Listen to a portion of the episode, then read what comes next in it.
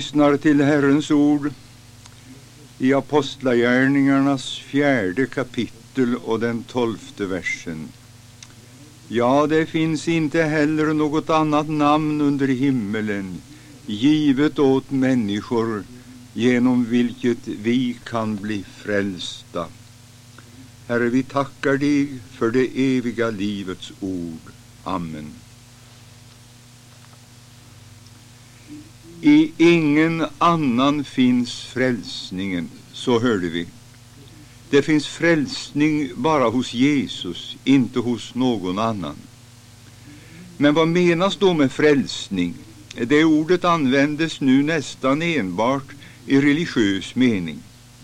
Men längre tillbaka förekom det också i vanligt språkbruk och då betydde det detsamma som räddning.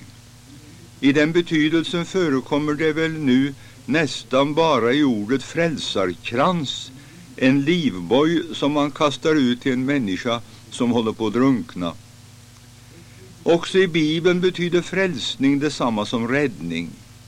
Men om någon behöver räddas, då är det klart att han befinner sig i någon nöd eller fara. Bibeln talar om det som är vår djupaste och egentliga nöd, nämligen vår synd. Vi är alla syndare. Vi skapades för att leva ett liv i gemenskap med Gud, ett liv som helt och fullt var styrt av hans kärlek. Detta var Guds vilja med vårt liv, och han har klart och tydligt sagt oss det i sin heliga lag. Men vi har gjort uppror emot Gud, vi har trampat hans lag under våra fötter, och vi har gått vår egen väg. Och nu är vi på väg till den stora räkenskapsdagen, domens dag, då vi ska svara för vårt liv inför honom som är hela världens domare.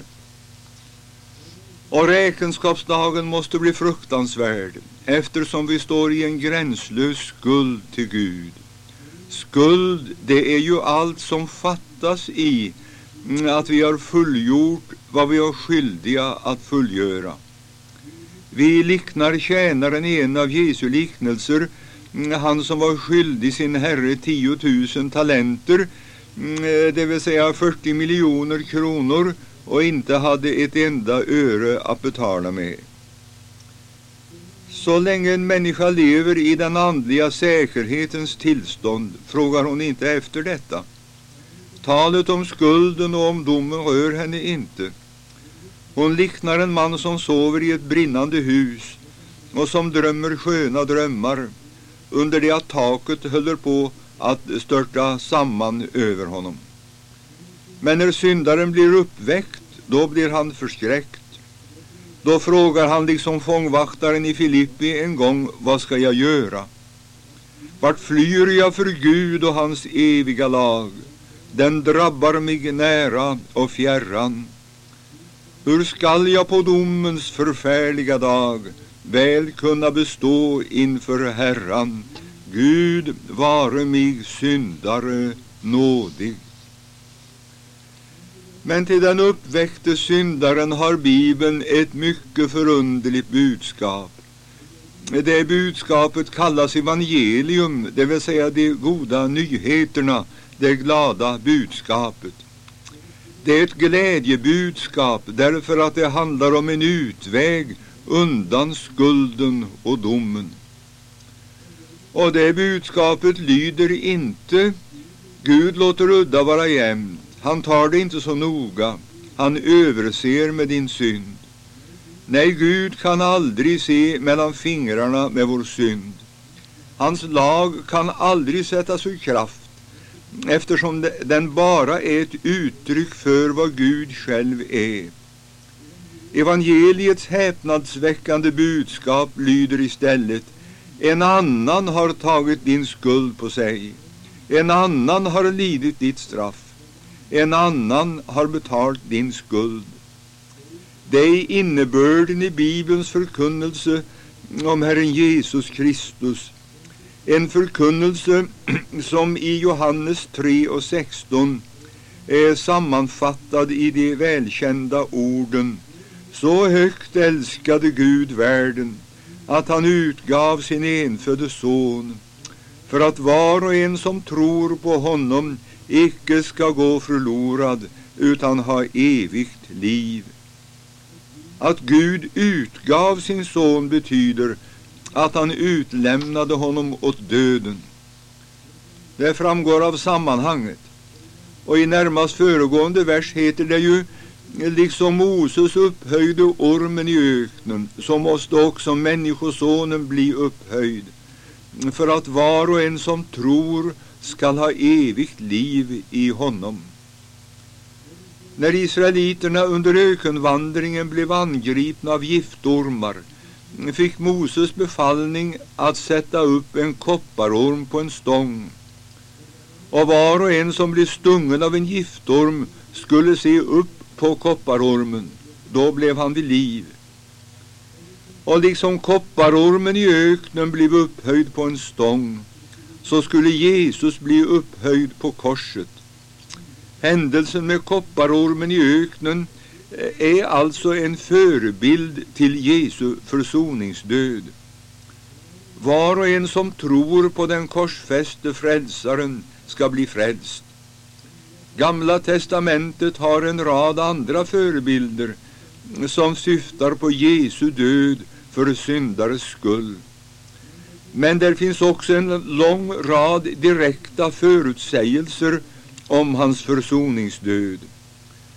Nya testamentet hänvisar alldeles särskilt till profeten Jesajas 53 kapitel där vi läser Han var sargad för våra överträdelsers skull och slagen för våra missgärningars skull.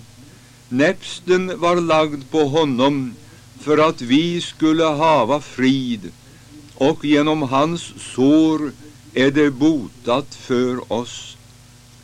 Vi gick alla vilse såsom får, var och en av oss ville vandra sin egen väg. Men Herren lät allas vår missgärning drabba honom. Summan av dessa verser är ju att den rene och oskyldige Herrens tjänare tog de skyldiga straff på sig. Han led vad de hade förtjänt att lida. Och detta är summan av evangeliet. Han fullgjorde vad vi borde och blev vår rättfärdighet.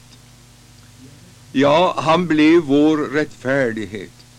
I Daniels bokens nionde kapitel talas det med följande ord om denna Kristi gärning. En gräns sättes för överträdelsen. Synderna får en ände och missgärningen försonas och en evig rättfärdighet framhavd. En evig rättfärdighet, en fullkomlig rättfärdighet, en rättfärdighet som gäller inför Gud på domens dag. En sådan rättfärdighet har Jesus vunnit åt oss. Den som får del i denna rättfärdighet är rättfärdiggjord, det vill säga han är frikänd från skulden och har blivit ett Guds barn. I den utmärkta bok som alltjämt är vår kyrkas officiella lärobok i kristendom heter det ju rättfärdiggörelsen består där i att Gud för Kristi skull förlåter människan alla hennes synder och upptar henne till sitt nådebarn.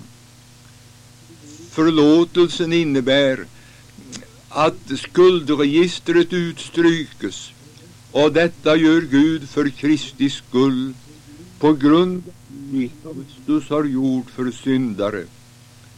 Nu blir syndaren iklädd Kristi rättfärdighet och kan säga med en gammal sångare Min rättfärdighet i himlen sitter vid Faderns högra hand på himlens tron och fienden, ehuru arg och bitter, ej den skada kan uti den minsta mån. Amen. Giv att ditt ord oss lyser så att vi i mörkret icke gå men genom denna jämmerdal må vandra till din himmelssal. Amen.